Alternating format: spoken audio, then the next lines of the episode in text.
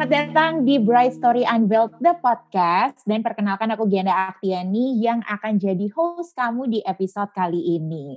Apa kabarnya para pendengar? Semoga di situasi new normal ini semua dalam keadaan sehat-sehat aja, baik-baik aja.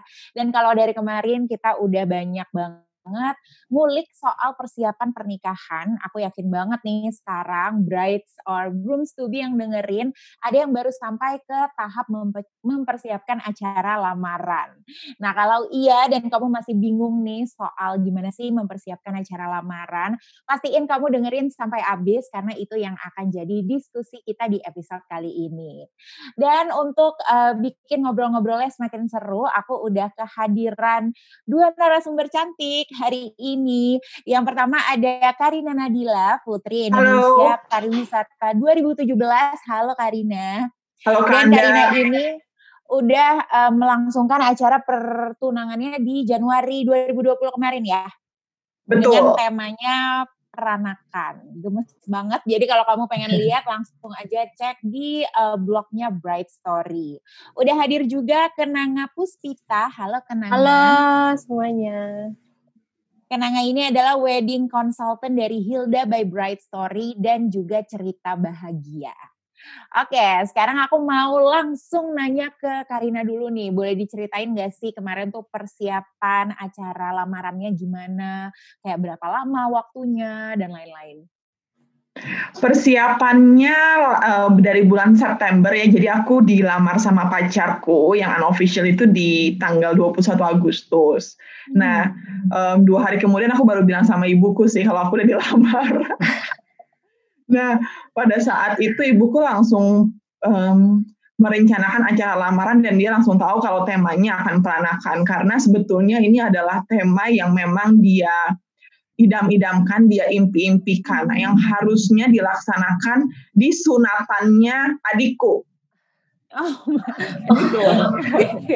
Jadi peranakan ini kan memang Chinese Melayu, tapi ada satu unsurnya yang mirip juga sama Betawi. Nah, jadi tadinya itu uh, adikku kan laki-laki masih kecil, dia ingin sekali merayakan um, apa acara hitanan itu dengan tema peranakan Betawi tapi satu dan lain hal itu tidak terjadi pas jadi pas anaknya ngabarin kalau mau nikah dia langsung tahu kalau lamaran ini akan menjadi uh, realisasi dari mimpinya dia punya acara dengan tema peranakan. Nah empat bulan berjalan aku udah langsung tahu kalau tema peranakan um, nanti akan uh, apa namanya punya di, uh, desainernya tuh siapa gitu. Aku langsung tahu kalau yang akan bantu desain itu adalah Kak Uya untuk ibuku uh, Surya Abdu maksudku. Surya Abdu untuk uh, kebayaku dan ibuku karena memang dia lumayan uh, signature-nya itu adalah peranakan gitu. Peranakan, nah waktu itu um, yang kita masih bingung adalah dekornya. Sebetulnya kita tahu banyak juga yang yang apa namanya yang bisa lah teman-teman uh, dekor yang merealisasikan uh, peranakan. Ada juga yang memang spesialisnya di situ. Tapi kan yang namanya orang punya uh, budget masing-masing ya. Nah, yang masuk budget aku tuh agak jarang sebetulnya yang biasa mengerjakan. Bukan mereka tidak bisa. Namanya dekor pasti harus bisa lah kalau di, di request sama kliennya istilahnya gitu. Tapi yang waktu itu memang spesialis tuh angkanya tidak sesuai sama um, sama uh, budget kita lah istilahnya sama yang sudah dianggarkan tapi akhirnya alhamdulillah ada satu yang uh, mau support dan mereka senang justru dikasih tantangan istilahnya. Karena mereka tidak pernah me membuat uh, peranakan. Terus sekarang kita minta tolong peranakan dan kita minta bunga-bunganya tuh bold semua gitu kan agak unusual buat uh, zaman sekarang karena biasanya sekarang tuh sukanya yang pastel-pastel, yang manis-manis. Hmm. Sedangkan kalau ibuku tuh enggak, ibuku tuh maunya bold. Jadi kita tuh udah siapin um, selama lima bulan itu sebetulnya itu tinggal merealisasikan apa yang ada di imajinasi ibuku aja sih sampai kita juga uh, mamiku uh, pergi ke bukan pergi dan dia malah dia nelpon ke Surabaya ke satu pabrik rantang gitu. Dia request hmm. kalau misalnya um, dia mau rantang warna ini dengan bunga seperti ini untuk souvenirnya gitu. Jadi benar-benar 90% kalau dibilang peranakannya tercapai, tercapai banget. Dan puas ya dengan hasilnya. Puas. Kenapa? Karena waktu itu aku ada satu satu uh, meeting gitulah sama salah satu orang Singapura. Nah ceritanya wallpaper handphoneku itu adalah foto aku lamaran sama pacarku. Dia hmm. nggak sengaja ngintip langsung di, dan pada saat dia nggak sengaja ngintip itu dia langsung wah peranakan dia langsung ngomong gitu aku mikir kalau orang Singapura udah sampai langsung notice dia ngomong peranakan tandanya tuh berhasil lamaran gue Oke, kalau waktunya berapa lama? Berarti uh, dari berarti kurang lebih dari November eh dari, dari September. September. Ya? Oke. Nah, uh, sekarang aku mau nanya ke kenangan nih, karena mungkin yang dengerin ada yang masih ragu mau bikin acara lamaran gak ya? Karena kan ekstra budget lagi, ekstra effort lagi. Tapi menurut kenangan sepenting apa sih mengadakan acara lamaran? Oke, uh, kalau kita bahas dari filosofinya mungkin ya, uh, tunangan itu adalah bukti komitmen dan ikatan untuk pasangan yang mau menikah begitu kan. Hmm. Jadi uh, di sini adalah momen di mana mempelai pria itu mempertegas maksud dan tujuannya untuk meminang si wanita gitu. Jadi uh, seperti mohon izin langsung di hadapan keluarganya seperti itu sih. Hmm. Lalu ini juga sebagai momen pertemuan dari masing-masing keluarga dari mempelai pria sama mempelai wanita. Jadi uh, sebagai ajang silaturahmi juga lah ya seperti hmm. itu. Jadi saling mengenal keluarga masing-masing gitu. Terus kan di acara lamaran juga biasanya membahas tanggal pernikahannya gitu. Ada yang belum membahas, jadi dibahas di saat acara lamaran seperti itu. Terus uh, mempersiapkan nanti planning pernikahan ke depannya seperti apa gitu. Dan uh, memang lamaran ini juga bagian dari uh, prosesi adat ya. Jadi makanya uh, disebut penting gitu. Oke, tadi Karina udah cerita persiapannya itu berarti kurang lebih empat bulanan lah ya Karina ya. Nah kalau dari kenangan sendiri itu apakah sudah ideal waktunya atau uh, berapa lama sih harusnya mempersiapkan acara pertunangan dan kira-kira itu harus dikasih jeda berapa lama sebelum acara pernikahannya? Oke, Hmm, idealis sih sebenarnya pertunangan itu enam bulan sampai tiga bulan sebelum acara. Hmm. Jadi untuk uh, Karina nih masih oke okay, empat bulan sebelum acara gitu. Uh, kenapa sih nggak boleh terlalu jauh? Karena agar uh, ada jeda dari hari pernikahan itu sendiri. Jadi nanti planningnya itu tidak terlalu sulit dan nggak uh, terlalu kelamaan gitu. Tapi ya beberapa juga ada yang planning sampai satu tahun sebelum pernikahan. Tapi jadi memang tidak ada ketentuan khusus gitu sih. Uh, yang hmm. penting adalah kan uh, bagaimana komitmen dari keluarga gitu kan sama uh, komitmen dari kedua belah pihak gitu aja sih. Dan hmm. untuk mempersiapkannya juga kurang lebih 3 sampai 6 bulan sebelum. Oke, tapi Karina kemarin ngerasanya cukup tuh ya persiapan sekian bulan itu apakah cukup atau ternyata kamu ngerasa harusnya gue uh, bisa punya waktu lebih lama lagi nih? Um, menurut aku cukup sih karena memang kita sudah tahu apa yang kita mau gitu dari hmm. awal um, dan alhamdulillah Tuhan namanya niat baik kali ya kita selalu percaya kalau niat baik itu pasti jalannya juga dibukakan gitu sama Tuhan. Hmm. Jadi kemarin sih nggak ada sesuatu yang berarti yang sampai berpikir kalau misalnya aduh coba lebih lama lagi persiapannya. Atau mungkin kan uh, persiapannya empat bulan terus mungkin aku milihnya menjadi Maret gitu nggak Januari jadi biar lebih lama. Enggak sih. Waktu itu menurut aku um, sudah ideal sudah cukup untuk uh, seluruh keluarga karena aku tuh nggak cuma um, aku dan ibuku yang pakai kebaya encim peranakan gitu, tapi aku benar-benar um, mendandani seluruh keluarga aku untuk pakai kebaya encim gitu. Jadi waktu itu paling yang susah sebenarnya adalah karena kebetulan keluarga intiku ada di adanya di Eropa semua, yang anaknya nenekku tuh yang yang di Indonesia cuma ibuku aja. Waktu itu kita mikir jahitnya gimana nih ukuran-ukurannya, tapi sisanya sih nggak ada yang nggak ada yang berarti. Oke. Okay. Nah, uh, tadi kan udah ngomongin kayak konsep acaranya. Kalau susunan acaranya sendiri waktu itu gimana sih Karina di acara kamu?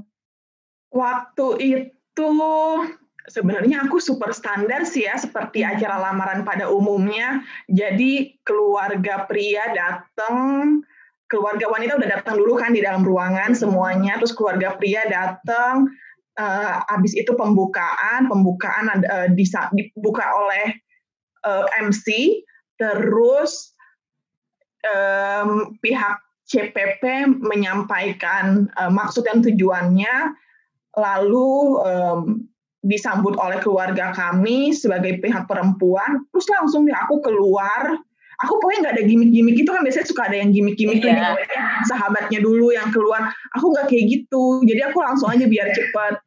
Um, setelah aku keluar, aku jawab lamarannya uh, pacarku, terus um, orang tuanya ngasih aku um, eh bukan Eh, cincin dulu ya tukar cincin dulu cincin. tukar cincin terus ngasih uh, simbol apa hantaran setelah itu pesan-pesan ada pesan-pesan sedikit uh, kayak dari kita ada ustadznya gitu untuk pesan-pesan biar uh, jadi lebih lebih sakral lah lebih hmm. lebih namanya berdoa gitu kan terus makan siang habis makan siang balik lagi penutupan nah kebetulan memang keluarga internal kami sudah tahu uh, rencana tanggal pernikahannya di mana, acaranya seperti apa itu udah diomongin sebelumnya, jadi tidak diulang lagi di uh, di lamaran itu. Jadi setelah makan siang penutupan, udah daripada pulang gitu. Jadi benar-benar simple aja sih sebetulnya. Mm-hmm. Berarti nggak ada di antara susunan acara itu yang dari adat kamu misalnya gitu selain dari agama yang tadi kamu anut ya mm-hmm. ada ada dari ustadz dan lain-lain. Tapi kalau dari adat berarti nggak ada. Enggak sih, enggak ada. Mungkin kalau teman-teman yang punya adat khusus ya ada ya, tapi kalau aku sih enggak sih. Ya, Cuma ya. adat yang kita ikutin sebetulnya lebih ke isi di hantarannya aja sih. Hmm, oke. Okay. Gitu. Kita akan ngomongin soal seserahan nanti akan balik lagi. Tapi aku mau nanya dulu ke Kenanga nih. Kalau tadi kan emang Karina nggak ada uh, acara khusus untuk adat gitu. Tapi dari pengalaman Kenanga sendiri berbeda adat karena Indonesia kan luas banget ya, adatnya banyak banget. Itu uh, beda juga nggak sih susunan acara di lamarannya? Atau let's say simpelnya nih, kayak bedanya acara lamaran tradisional Indonesia dengan sangjit gitu, contohnya apakah ada yang signifikan? Oke, uh, kalau dari yang tadi pembahasannya Karina itu memang itu adalah acara lamaran yang dari common di Indonesia ya, secara tradisional atau nasional itu menggunakan susunan acara seperti yang Karina tadi memang betul. Uh, beda cerita kalau sama Sunda, Jawa, Batak itu biasanya memang ada uh, adat-adatnya tersendiri gitu. Cuma untuk yang nasional sendiri ini biasanya uh, ada uh, tandanya adalah seserahannya itu nominalnya ganjil gitu. Betul nggak Karina ganjil? Betul. Nah, ganjil hmm. gitu. Nah, kalau misalnya untuk sangjit nih kan kalau uh, untuk yang tradisional Chinese itu namanya sangjit ya. Nah, kalau untuk sangjit sendiri si hantarannya ini uh, genap jumlahnya gitu. Jadi yang membedakan di situ. Lalu uh, pakaiannya tentunya kan beda ya. Kalau misalnya uh, tradisional itu pakai kebaya gitu kan. Karina pakai kebaya encim gitu kan. Kalau misalnya Chinese itu pakai chongsam atau pakai hmm. identik sama warna merah. Biasanya kayak gitu. Lalu biasanya ada prosesi tambahannya itu uh, misalnya berupa salamnya itu jadi pie gitu, salam Chinese kayak gitu sih. Uh, lalu uh, kalau prosesi tukar cincinnya sama gitu. Cuma kalau di Chinese ada prosesi kalungan namanya kayak gitu. Hmm. Nah, kalungnya ini senilai 24 karat dengan liontin lambang suangsi atau double happiness gitu kalau di Chinese.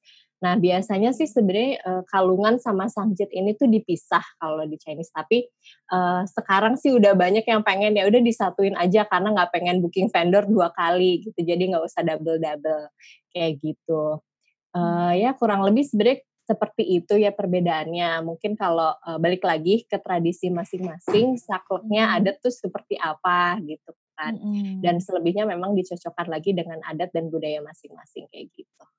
Oke. Nah, uh, sekarang kita ngomongin soal alokasi budget.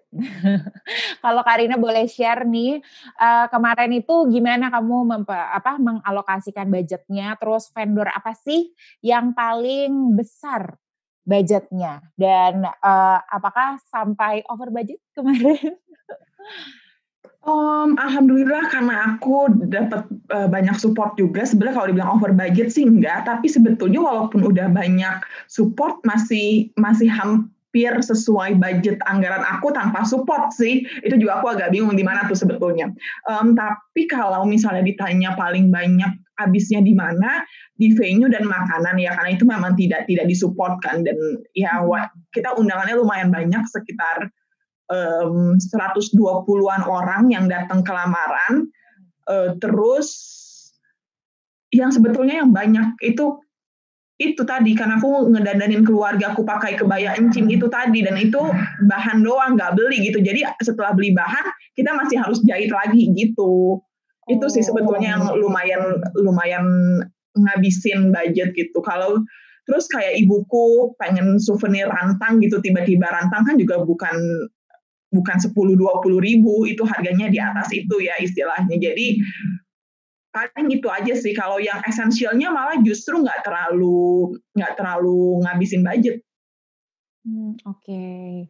nah kenanga uh, kan pastinya di dalam budget menuju pernikahan, nah setelah lamaran nanti ada yang lebih besar lagi kan gitu. Gimana sih caranya kita mengatur budget di acara lamaran ini biar nggak terlalu banyak habisnya di sini nih. Bahkan banyak juga kan yang jadi ngambil ke pos persiapan uh, budget untuk weddingnya juga gitu. Gimana biar nggak terjadi kayak gitu. Oke okay, uh, tentunya uh, budget wedding itu kan lebih besar ya jadi memang sebaiknya untuk para brides to be nih budget pertunangan sama pernikahan itu dipisah gitu. Jadi supaya kebutuhannya itu tidak tercampur satu sama lain. Hmm. Apalagi kalau misalnya memang vendor-vendornya berbeda ya sama vendor wedding. Nah, jadi uh, coba alokasikan tersendiri untuk budget tunangan dengan cara uh, memang sudah tahu dulu jumlah tamunya itu berapa kan kalau tunangan kan tidak terlalu besar ya uh, jadi cuma keluarga besar gitu jadi tidak akan terlalu banyak gitu nah lalu kan nanti ini akan berpengaruh ke pilihan venue-nya nanti di mana dan jumlah makanan yang dipesan gitu Hmm. Lalu uh, brides harus menulis list kebutuhan lamaran vendornya apa aja, terus tahu prioritas vendor-vendornya. Misalnya kayak Karina tadi juga kan uh, menyebutkan mamanya pengen uh, souvenirnya rantang. Nah, di situ kan udah tahu tuh, berarti akan ada dialokasikan ke souvenir gitu. Jadi memang udah tahu nih prioritas dan keinginannya mau seperti apa gitu. Lalu uh, tentukan bottom up total budget uh, dari keseluruhan. Misal let's say nih ya, uh, aku mau budget tunangannya 100 juta gitu. Mm-hmm. Nah, nanti di situ kita alokasikan budgetnya. Uh, tadi Karina bilang paling besar mengeluarkan di venue sama catering. Nah, betul memang kita alokasikan sekitar 40 sampai 50% itu untuk uh, venue dan catering gitu. Nanti sisanya menyesuaikan 15% untuk dekor, 10% engagement ring dan sisanya misalnya hantaran, terus seserahan, foto video, hmm. kebaya dan lain-lain seperti itu sih. Oke, didengar ya brides dan grooms to be biar nggak over budget. Oke, dari tadi udah menyinggung-nyinggung soal seserahan-seserahan gitu. Aku mau nanya ke Kenanga dulu deh. Emang seberapa pentingnya sih seserahan dalam lamaran dan uh, apa kira-kira ada hal-hal yang wajib ada nggak sih di dalam seserahan? Uh, seserahan ini kan kalau kita bahas filosofinya lagi ya ini adalah simbol atau bentuk tanggung jawab mempelai pria untuk wanita. Jadi sebagai wujud tanda kasih juga dan saling menghormati keluarga satu sama lain. Jadi kayak hmm. ikonnya lah ikon tunangan gitu. Nah, kalau untuk tradisional umumnya memang uh, kebutuhan yang akan digunakan setelah menikah berupa misalnya pakaian, body care, terus skincare, perhiasan, sepatu tas, terus makanan, makannya juga kayak jajanan pasar gitu yang kecil-kecil lucu, uh, buah-buahan gitu. Terus kalau yang lebih modern lagi biasanya disesuaikan sama hobi dan profesi pasangannya nih. Kayak ada beberapa yang pasangannya dokter dikasih stetoskop kayak gitu. Terus ada yang uh, dikasih bola basket gitu. Jadi bahkan ada yang kasih barang-barang elektronik kayak gitu. Nah, mm-hmm. kalau untuk tadi kan kita sempat singgung uh, Sangjit ya, uh, mm-hmm. acara Chinese. Nah, kalau Chinese nih lebih uh, unik lagi. Dia memang ada hal-hal yang wajib yang perlu disiapkan gitu. Mm. Jadi uh, pertama disiapkan uang susu atau kayak angpaunya ya gitu. Terus ada uang pesta di situ. Nah, uang pestanya ini nanti uh, akan dikembalikan sama si mempelai wanita gitu kan. Uh, lalu ada dua pasang lilin, uh, sebagai simbol tolak energi kayak gitu. Terus ada dua buah champagne or wine, nanti dikembalikannya sirup. Terus uh, ada kaki babi atau kalengan babi. Hmm. Terus ada kalengan buah-buahan, ada kue Cina tentunya, kue mangkok, koya, jipang, teng-teng yang kayak gitu deh. Hmm. Terus ada miswa, jadi kayak uh, tandanya supaya umurnya panjang pernikahannya hmm. gitu. Buah, jeruk, apel, permen, dan barang-barang kebutuhan lainnya. Intinya sih nanti semua item ini akan dibalikin ya dari mempelai wanita ke pria, jadi ada hantaran balik gitu. Intinya okay. mm, memang semua ada filosofinya berupa doa baik untuk kehidupan mempelai kelak gitu. Oh. Oke, kalau Karina kemarin seserahannya kalau boleh di-share isinya juga seperti itukah atau ada yang punya makna khusus? Terus kalau boleh juga diceritain gimana proses kamu memilih seserahannya? Oke, okay, kalau aku pribadi sebetulnya seserahan ini sangat general banget juga. Jadi di aku baca di internet uh, kalau secara nasional terutama secara muslim itu tuh yang pertama jelas harus ada alat ibadah ya. Kalau buat perempuan tandanya mau kena dan aku juga ngasih hantaran balik um, sejadah dan sarung untuk calonku. Terus ada perawatan tubuh. Ini aku masih punya contekannya by the way. Peralatan hias. Terus aku juga ada pakaian dalam, ada atribut harian. Ini tuh ada tas, sepatu, baju. Terus ada perhiasan dan tentunya ada kue-kue lengket gitu. Hmm. Kalau kalau lengket itu kan tandanya biar merekatkan hubungan gitu ya. Jadi um, itu yang dikasih dari pihak uh, pacarku ke aku. Tapi kalau yang aku kasih ke dia itu kayaknya hanya um, tadi aku udah bilang sejadah dan sar, uh, sarung. Lalu aku ada atribut kerjanya dia, aku kasih um, ikat pinggang, uh, kalau aku nggak ngasih ke meja, aku kasihnya dia soalnya pengen ada satu kain batik yang dia incer gitu. Jadi dia requestnya itu biar dia jahit sendiri. Terus um, dompet dan sepatu. Selain itu aku juga kasih uh, perfume dan sisanya adalah kue-kue lengket yang berasal dari Minang karena kan aku dari Minang kan. Jadi itu disesuaikan sama uh, adatku gitu. Oke, nah, Karin main nggak ke Anda? Ya. Tadi waktu kita ngomongin budget, sebetulnya aku baru ingat. Yang aku bikin aku offer adalah karena aku lupa kalau aku sebagai perempuan juga harus ngembalin hantaran ke pacarku. Iya, iya. iya. Kadang-kadang kita cewek tuh egoisnya mikirnya cuma ya gue dapat hantaran tapi cuma lupa kalau misalnya kita harus balikin di situ yang aku agak agak miss.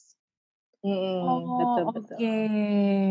Ya, Karina, nah uh, dari semua persiapan acara lamaran kamu nih, ada nggak sih hal positif yang kamu bisa rasain? Karena mungkin nih yang lagi dengerin banyak yang masih mempertimbangkan uh, pengen bikin acara lamaran atau enggak nih daripada over budget, extra effort. Tapi kalau ada ternyata ada hal positif yang bisa diambil itu apa?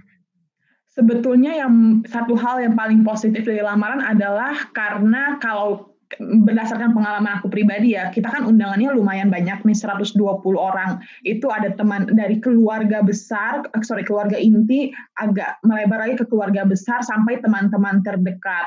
Itu sebetulnya menjadi momen perkenalan sih, biar kita benar-benar tahu karakter keluarganya dia seperti apa, bagaimana kehangatan keluarganya. Kita bisa lihat nanti itu menjadi momen di mana orang tuaku mempelajari uh, keluarga yang akan dititipkan anaknya dan itu pun sebaliknya gitu. Keluarga yang mereka mempelajari bagaimana kita sebagai tuan rumah. Karena kan kalau lamaran itu acaranya perempuan ya.